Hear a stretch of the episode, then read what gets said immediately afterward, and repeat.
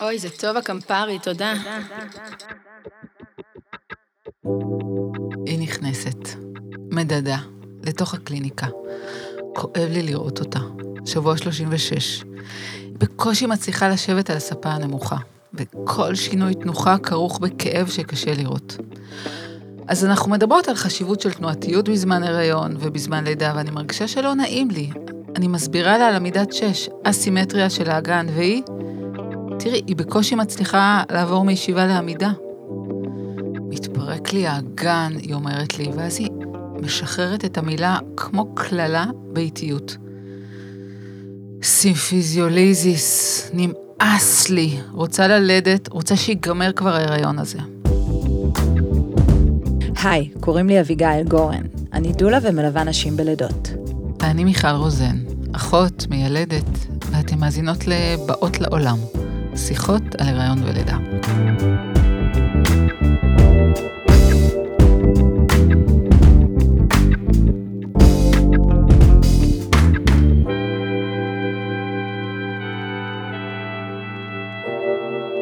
אז היום אנחנו מדברות על הטרימסטר השלישי, וגם על, המילה שאני לא יודעת להגיד אף פעם, סימפיזיוליזיס, תודה שאתן איתי. ועל הידרותרפיה. בדיוק. ומארחות את ענבל הרפז, אקווה דולה, הידרותרפיסטית מוסמכת, דולה, אימא לשלושה בנים, ובוגרת, סימפיזיוליזיס, בעצמה. בעצמה. וכדי לדבר על הישורת האחרונה ואיך אפשר לנסות ולהפוך אותה לחוויה יותר נעימה ומיטיבה. זה לא פשוט. היי, אני ממש שמחה להיות כאן. אני מגיעה אליכם ישר מהבריכה, השיער שלי עוד רטוב, והכל אה, פועם וחי, והלב שלי מתרגש. נהדר. אז נאמר גם שאת מגיעה אלינו מהערבה. את מחלקת את החיים שלך עכשיו בין הים והיבשה, בין הערבה והטיפולים במרכז. כן, אה, עברתי עם המשפחה שלי לפני שנה וקצת לערבה, וזה מהפך עצום, גם בחיים האישיים וגם בחיים המקצועיים. אה, אני נעה עכשיו בין מדבר לבריכות, בין טיפולים לטיולים, וזה כיף אדיר. אך, אך, הקינה. תגידי, מה הגיע קודם? הידרותרפיה או דולה? אה, זו שאלה מעולה. האמת שהם הגיעו יחד. לפני בערך אה, 18 שנים אה, התחלתי ללמוד במקביל ממש את עולם ההיריון והלידה, ואת עולם טיפולי המים וההידרותרפיה. למדתי כל קורס אפשרי שהיה, וכל הזמן רציתי לחבר הריון ומים, נראה לי הכי טבעי בעולם. סיפרתי על זה למורות שלי, ולמזלי הן ראו כמה אני רוצה את זה וכמה אני נלהבת לצלול לתוך החיבור הזה, ונתנו לי את החופש לחקור. הגשתי עבודה משותפת לסיום של קורס דולות ושל קורס טיפול במים, ובעצם הדבקתי את שני העולמות האלה. קראתי לזה אקווה דולה, ומאז זו הזהות המקצועית שלי במים. נחזור רגע לטרימסטר השלישי. אז הגוף מתחיל להיות כבד. אנחנו יודעות שנשים שהיו עסוקות עד עכשיו בלשמור על ההיריון, בלהחזיק את ההיריון, פתאום מגלות סביב שבוע 30 את השער של הלידה שעומד מולן.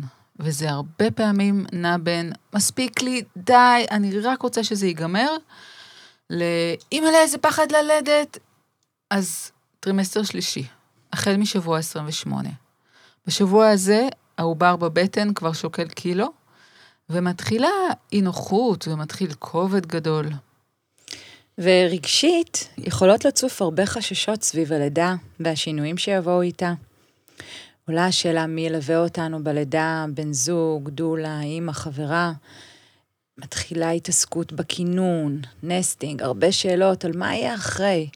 הרבה פעמים בשלב הזה גם צפים פחדים וחרדות. ענבל, איך את זוכרת את הטרימסטר השלישי שלך? וואו, קשוח. אני זו שסיפרת עליה בתחילת הפרק, סימפיזיוליזיס, הקללה הזו. זה היה ההיריון הרביעי שלי, לקראת לידה שלישית. אפילו לא הייתי צריכה לחכות לטרימסטר השלישי, כי הפעם זכיתי בסימפיזיוליזיס בשבוע עשירי. וואו, וואו, כן. קשוח מאוד. מאוד.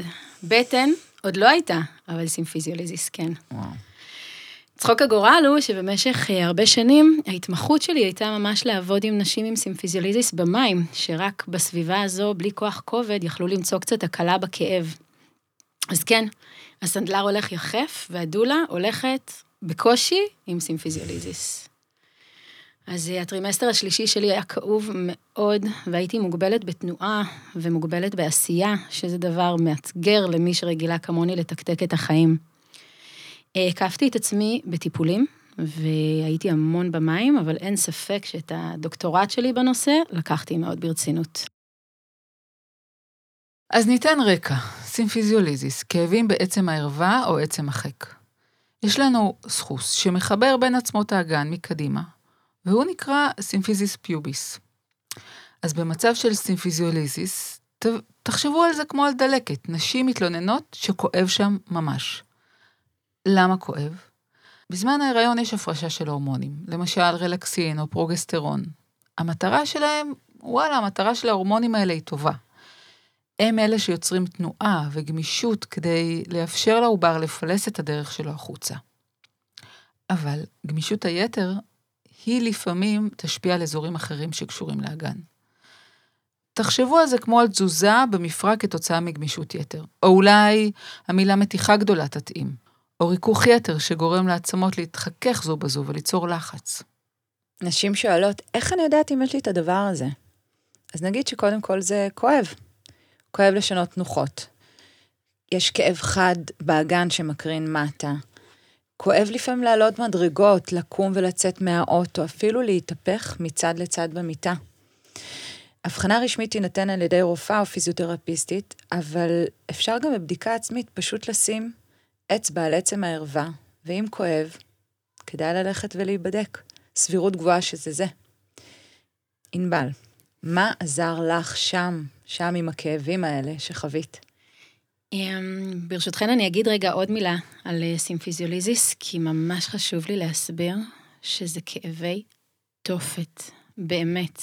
אין, אה, אין לתאר. אה, כשתתקשר אליי אישה עם סימפיזיוליזיס, אני אעשה הכל כדי לקבל אותה בהקדם, כי אני פשוט מרגישה את הכאב על בשרי עדיין טרי. במקביל למודעות שהולכת וגדלה לקללה הזו, שזה מאוד משמח, ותכף אני אספר מה עזר לי, אז אה, חשוב לומר שיש גם לא מעט אבחון שגוי, ואז המענה מתפספס. מניסיוני, גם האישי וגם אה, מטופלות שלי, מי שהכי יודע לאבחן את המצב לאישורו, הן פיזיותרפיסטיות רצפת הגן ואורתופדים. ועוד מילה אחרונה שחשוב לי לומר, אם רופאת הנשים או הסביבה אומרים שזה יעבור עם הלידה, הם קרוב לוודאי צודקים. אבל זו ממש לא סיבה להעביר הריון שלם בכאבים, ויש איך להקל. לי מאוד עזר שילוב של פיזיותרפיה, דיקור, הרוויגו, פיזיותרפיית רצפת הגן, וכמובן, שהייה במים. מאוד חשוב לשים לב שהמטפל או מטפלת שהולכים אליה מכירים את העבודה הספציפית לסימפיזיוליזיס. ומעבר לכל העזרה החיצונית, יש הרבה מה לעשות לבד, אז בוא נאמר רגע מה אפשר לעשות כדי להקל על הכאב. קודם כל, כדאי לשמור עד כמה שניתן על סימטריות של האגן. וזה אומר לישון עם כריות בין הרגליים, ובמעבר מתנוחה לתנוחה כדאי לשמור על ברכיים וירכיים מקבילות זו לזו. מעברים איטיים מתנוחה לתנוחה, תוך כדי זה שאתן אוספות את שרירי קרקעית האגן והבטן. לשמור על גב זקוף, תוך כדי נשיפה. כדאי להתלבש ולנעול נעליים בישיבה. לנסות ללכת בצעדים קטנים, אה, אפילו לחלק שווה בשווה את נשיאת המשקל על הרגליים בזמן העמידה, ובעלייה וירידה במדרגות. אם אין ברירה, לפעמים צריך להיעזר במקל הליכה או הליכון. אני יודעת שזה נשמע ככה מפחיד, אבל לפעמים צריך את זה. אני זוכרת אותך, ענבל, הולכת עם מקל הליכה. אני זוכרת אותך אה, משיעור לשיעור באוניברסיטה, גרמי מדרגות ועם המקל הזה, וזה לא היה פשוט לאישה שרגילה לתקתק ותנועתיות, ו, ופתאום המקל הזה, ורק איתו את יכולה ללכת. כן. אה, למדנו יחד אה, תואר שני במגדר באוניברסיטת חיפה, שהמהות שלה זה מדרגות ועליות. אה, וכן, ממש משבוע לשבוע, המצב הלך והידרדר עד שהגעתי למקל. אחרי שהתנגדתי לו קשות, וכן זה קורה, וכן זה עוזר. אני צריך לעבור שם גם איזשהו מכשול פסיכולוגי. שני דברים שעזרו לי, אבל היה לי מאוד לא פשוט לבקש אותם, זה עזרה והרבה מנוחה. אמ, נאלצתי להוריד את הקצב ונאלצתי לבקש עזרה.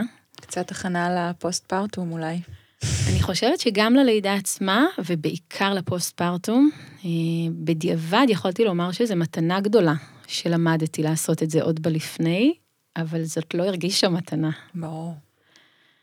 בנוסף גם אה, קרחתי חגורה סביב האגן, זאת אומרת, ממש הרמתי את הבטן מהאגן כדי שהפוביס יסחב פחות. אפשר לעשות את זה עם חגורות מותאמות, אצל פיזיותרפיסטית רצפת הגן, ואפשר פשוט לקחת איזה צעיף אלסטי, לא משנה איך קוראים לו, ולקרוח סביב האגן הדוק, כך שממש זה יישא את המשקל של הבטן במקום האגן עצמו.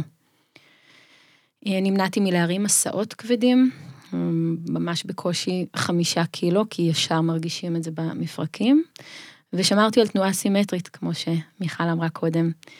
ויש לי עוד איזה טיפ קטן שעזר לי, שזה היה להניח דברים קרים על המפרק הכואב. אה, ואני אתן אה, בסוגריים, שאת הבירה שאי אפשר לשתות, אפשר להוציא מהמקרר ולהניח הישר על הפוביס, וזו הקלה גדולה. ומה לגבי פעילות גופנית, אפשר? כן, לגמרי, אפשר וכדאי, אה, רק כדאי לעשות אותה במידה, ולא להעמיס, ולוודא שהפעילות הגופנית לא מגבירה את הכאב, לא בזמן הפעילות ולא אחריה. ענבל, ממה כדאי להימנע? קודם כל, מכל מה שכואב. זאת אומרת, אה, אני מרגישה שבהיריון, ובעיקר בסימפיזיוליזיס, הנעים לי והלא נעים לי, הם מורי דרך מאוד משמעותיים. אז אם כואב, זה לא נכון לך. אה, ולא להתעקש, להימנע מקריאה, להימנע מישיבה מזרחית. אם יש תנוחות יוגה שמגבירות לך את הכאב, או שנראות כמו משהו שמעמיס על המפרקים, אפשר לוותר עליהם זמנית ולחזור אליהם אחרי הלידה. צריך לזכור שבעצם המפרק לא מוחזק, ולכן אנחנו צריכות לשמור עליו. ואם אנחנו עושות רגע קפיצה ללידה, אז ההמלצה ללידה היא להתכונן ללידה פיזיולוגית. וזה אומר אה, להתכונן וללמוד תנוחות ותנועתיות שיכולות להקל על הלחץ במפרקי האגן. לזכור בזמן הלידה להישאר קשובות לגוף. וזה אומר שאם לקחנו אפידורל, להקפיד על תנוחות שלא יגבירו את הלחץ על מפרקי האגן יתר על המידה. חשוב מאוד לידע את הצוות המיילד, כדי שאת לא תמצאי את עצמך בתנוחות מוגזמות שיכולות להגביר כאב אחרי הלידה. אני רוצה לתת איזה אור בקצה המנהרה. רוב הסיכויים שהקוקטייל ההורמונלי החזק והמהמם שקורה לנו בגוף בשעת לידה, ירכך לנו גם את הכאבים האלה של הסימפיזיוליזיס, ולרוב לא נרגיש אותם. ועוד דבר, מחקר לחלוטין לא מדעי, שעשיתי בקרב עצמי ובקרב מטופלות, לפעמים הלידות יהיו קצרות יותר עם סימפיזיוליזיס. ההסבר המדעי שלי, כן, האגן כבר פתוח, אה, הכל יכול להתקדם קצת יותר מהר. אני מאשרת את המחקר כן, הפכנו אותו למדעי.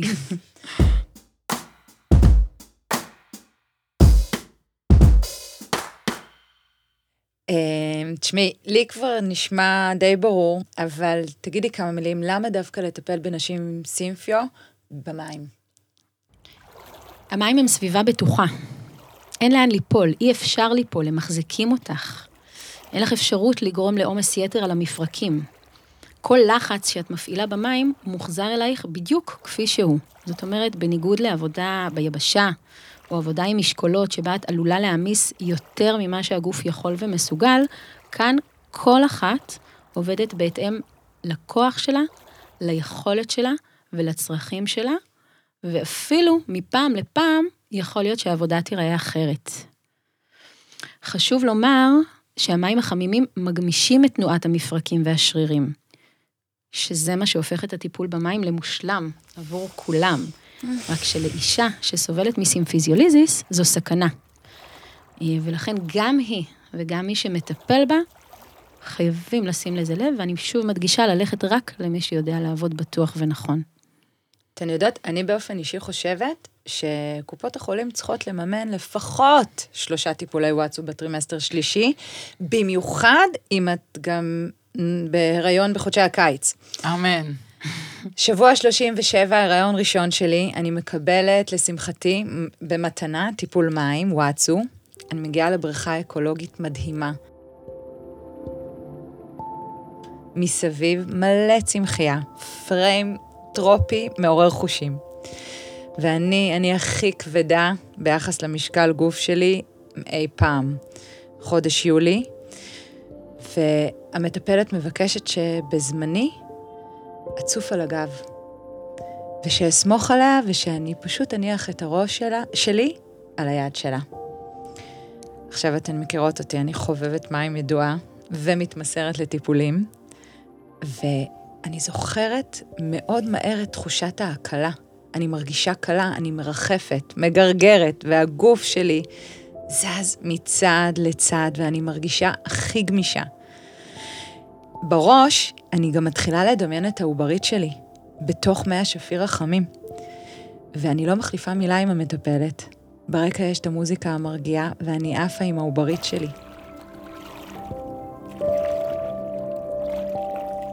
מדי פעם אני ככה פוקחת את העיניים ואני רואה את המבט של המטפלת. היא חייכה, והעיניים שלה היו הכי מרגיעות ומכילות שיש. אני אישית ממליצה לכל אישה טרימסטר שלישי להיות במרחבי מים.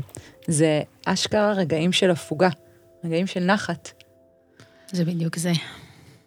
אז כשאנחנו מדברות על עבודה עם גוף בטרימסטר השלישי, בואו רגע נזכר במה קורה לגוף עד אותו רגע. אז יש עלייה מסיבית במשקל, שינוי של מרכז הכובד, עלייה בנפח הדם של עוד כ-30 אחוזים, לב שעובד קשה קשה כדי להזרים את כמות הדם הזו לאיברים, לחץ על השרעפת שנדחקת כלפי מעלה, עומס בקרקעית האגן, אולי ירידה ברמות של ההמוגלובין, ויכול להיות שתהיה עלייה בלחץ דם. זאת אומרת, שינויים מסיביים שהגוף עובר. ענבל, מהניסיון שלך, מה את רואה, מה עוד קורה שם? שם במים. כן. אמ, אז קודם כל, אם אנחנו נדמיין רגע את הרגע הזה שאני נכנסת למים, יש מיד את ה... גם אם אני לא בהיריון. נכון. עצם הכניסה למים מביאה איתה איזה הקלה והזמנה להרפות. משקל הגוף פוחת, ואיתו יורד העומס מהמפרקים. העבודה במים תומכת בגוף ומאפשרת לכל אישה לעבוד בהתאם לכוחה, ולחוות את ההיריון בצורה בריאה, חיובית. אנחנו יכולות ממש לחזק שרירים בעזרת ההתנגדות הטבעית של המים. זאת אומרת, כשעוצמת ההתנגדות של המים מופעלת חזרה בהתאם לכוח שהופעל, מתאפשרת לנו עבודה לאורך זמן, מבלי להעמיס על הגוף יתר למידה, ומבלי לחשוש מפני עבודה לא נכונה. אנחנו זוכרות שמים זה הסביבה הראשונית ביותר שלנו, זה מה שהאור שלנו פגש כשאנחנו עצמנו היינו עובריות, מוחזקות, ברחם של אימא. הם מכסים את האור שלנו, הם נמצאים בתוך הגוף שלנו, הם שומרים על התינוקות שלנו במשך תשעה חודשים שהם ברחם. ואני איתך, המדינה צריכה לממן טיפולי וואטסו לכל אישה בהיריון, פלוס אחד בונוס ליולדות הקיץ. אה, והיו לי שניים כאלה, אז השאלה אם זה פועל רטרואקטיבית. תראי, אמרתי שלושה, אני עכשיו שכנעת אותי לעשות איזה 40 טיפולים בהיריון, שהמדינה תממן לנו. מה את כמטפלת הכי אוהבת שם? עולה לי העובדה שהאישה בהיריון פשוט יכולה להניח ולא להיות במאמץ, פשוט להיות מוחזקת על ידי מישהי אחרת, והיא שכל כך רגילה להחזיק, פתאום להיות מוחזקת. זה זה, פשוט תיארת את זה. אמ, ואני כמטפלת מרגישה את אותו דבר. זה מה שמדהים בסביבה הזאת, שאני לא עובדת קשה. גם אני כמטפלת מוחזקת. ותמיד אה, ככה באמצע טיפול עולה לי השיר הזה של אה, כולנו זקוקים לחסד וכולנו זקוקים למגע. זה מדהים אותי כמה כל מטופל וכל מטופלת שמגיעים אליי, זאת הבקשה שלהם. לא משנה אם היא מילולית או לא, לרוב היא לא, הם מבקשים שמישהו יחזיק אותם. זה מה שכולנו זקוקים. אני אוהבת um, לנשום, להתחבר לנשימה שלי, נשימות עמוקות כאלה, ואז לנשימה שלה. בואי רגע נעצור על מה שאמרת עם הנשימה. מה לגבי עבודה עם הנשימה? הרבה נשים לקראת לידה מפחדות שלא ידעו איך לנשום. ויש כל פעם את הבקשה הזו שחוזרת, תנחי אותי, תלמדי אותי איך לנשום בלידה. אז תספרי קצת מה את עושה שם במים. קודם כל, אני נושמת בעצמי. אני חושבת שזה ממש הדבר הכי משמעותי שאני יכולה לתת. כשאני מלמדת הידרותרפיסטים, נגיד, איך לעבוד עם נשים בהיריון במים, או בכלל, איך לטפל, אני אומרת, לא יכול להיות שהגוף שלכם יהיה קפוץ וכואב ומוחזק, ומי שבידיים שלכם יחוש רווחה. זה לא עובד. אז קודם כל אני בודקת מה קורה אצלי. אני נכנסת למים, אני רגע עוצמת עיניים. נותנת להם לעטוף אותי, ככה להתמסר לרכות שלהם, להתמסר לחיבוק שלהם. וזה ישר משפיע. יואו, וזה לוקח אותי גם לשלב אחרי זה של אימא ותינוק. Mm-hmm. כמה זה חשוב שהיא גם תרפה ותירגע כדי שהוא יוכל להיות. יש לי צמרמורות מהשיחה הזאת, כי זה כל כך בסיסי. נכון. באמת, זה זה, זה ממש איזה מפתח של בכלל אולי להגיד, אני לא מחזיקה ידע, אני רק נושמת. במישור הפיזיולוגי, המים מגרים לנשימה, וזה משמעותי לאישה בהיריון, כי הרבה נשים סובלות מתחושה של אין לי אוויר, תחושה של, תחושה של איזה קוצר נשימה. ובזכות הגירוי הזה של המים לנשימה יש יותר מודעות להכנסה והוצאה של אוויר. ואני ממש רואה, ככל שהטיפול מתקדם, הגוף מרפה והנשימה מתארכת. ממש אפשר לראות את הבטן עולה ויורדת, והנשימה הופכת להיות יותר ויותר עמוקה. ומה לגבי נשים שמתלוננות על רגליים נפוחות ובצקות? נשים שסובלות אה, מנטייה לבצקות, מגלות שקורה להן משהו נעים במים. הכניסה למים מיטיבה עם עומס הנוזלים בגוף. הלחץ ההידרוסטטי של המים, שזה בעצם אומר ההתנגדות של המים לתנועה והרצון להשוות לחצים, משפר ומעודד חילוף חומרים וזרימת דם. המים בבריכה טיפולית הם בטמפרטורה של 34-35 מעלות. זה חום, זה טמפרטורת האור בעצם, שזה עוזר להרפות את הגוף. נגיד גם שהמים יכולים אה, לסייע בהורדה ובוויסות של לחץ דם, שלפעמים אנחנו נראה אותו מטפס בטרימסטר השלישי. תאמרי כמה מילים על עוברים במצב עכוז. אה, אישה עם עובר במצג עכוז שמגיעה לטיפול במים, מה קורה שם? כי את הופכת את העובר, זה תמיד מסתורי בעיניי, מה עושים במים? יש הרבה מסתורין בתינוקות עכוזיים באמת. אני עובדת במים עם נשים שיש להן תינוקות עכוזיים בבטן. תמיד חשוב לי להסביר להן שאני לא הופכת עוברים. אני עובדת עם הגוף של אימא. זה רחוק מאוד מהיפוך חיצוני בבית חולים. הידיים שלי לא מונחות על העובר בשום שלב, ואני לא עושה מניפולציה חיצונית. מה כן? בעזרת המים אני עובדת על ריווח תחתית הבטן והגמשת המפרקים. אני בעצם נעזרת בהרפייה הזו שהמים מציעים כדי להגמיש את הרצועות ולאפשר מקום לעובר להתהפך.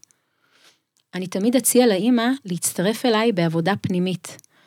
לדמיין את התינוק שבבטן, להראות לו את הכיוון הנכון וממש לתת לו יד ולהזמין אותו להתהפך. יש מקרים שבהם את לא תטפלי? אה, לרוב באופן כללי טרימסטר ראשון אה, נמנעים מלטפל, נמנעים מהתערבות. אה, אני לא אקבל מקרים שבהם יש זיהום ידוע, מקרים של דימומים או פצעים פתוחים, ואם ידוע שיש ירידת מים, אני גם לא אכניס למים. עולה לי עכשיו שאת מדברת בהקשר של לידה, כמה המים יכולים להיות עוד דרך של חיבור לעובר שצף לי ברחם. כן, זה משהו שעולה. אה, הרבה אימהות אה, פוגשות את התינוקות שלהם בבטן, כי יש משהו כל כך אה, מוחזק. זה רחם בתוך רחם, מים בתוך מים, להיות מוחזקת ומחזיקה. ואני שמה לב שזה הופך עוד יותר משמעותי בהריונות חוזרים. כשממש אין זמן להפנות את הרגע הזה של המבט פנימה, כי כבר יש חיים שלמים וילדים בחוץ. אז פתאום להציע את הגלגול מבט פנימה ולהתייחס לתינוק הזה שבבטן, וזה... ומבלי לדבר, פשוט רק להרגיש. כלום, אין צורך במילים. כיף.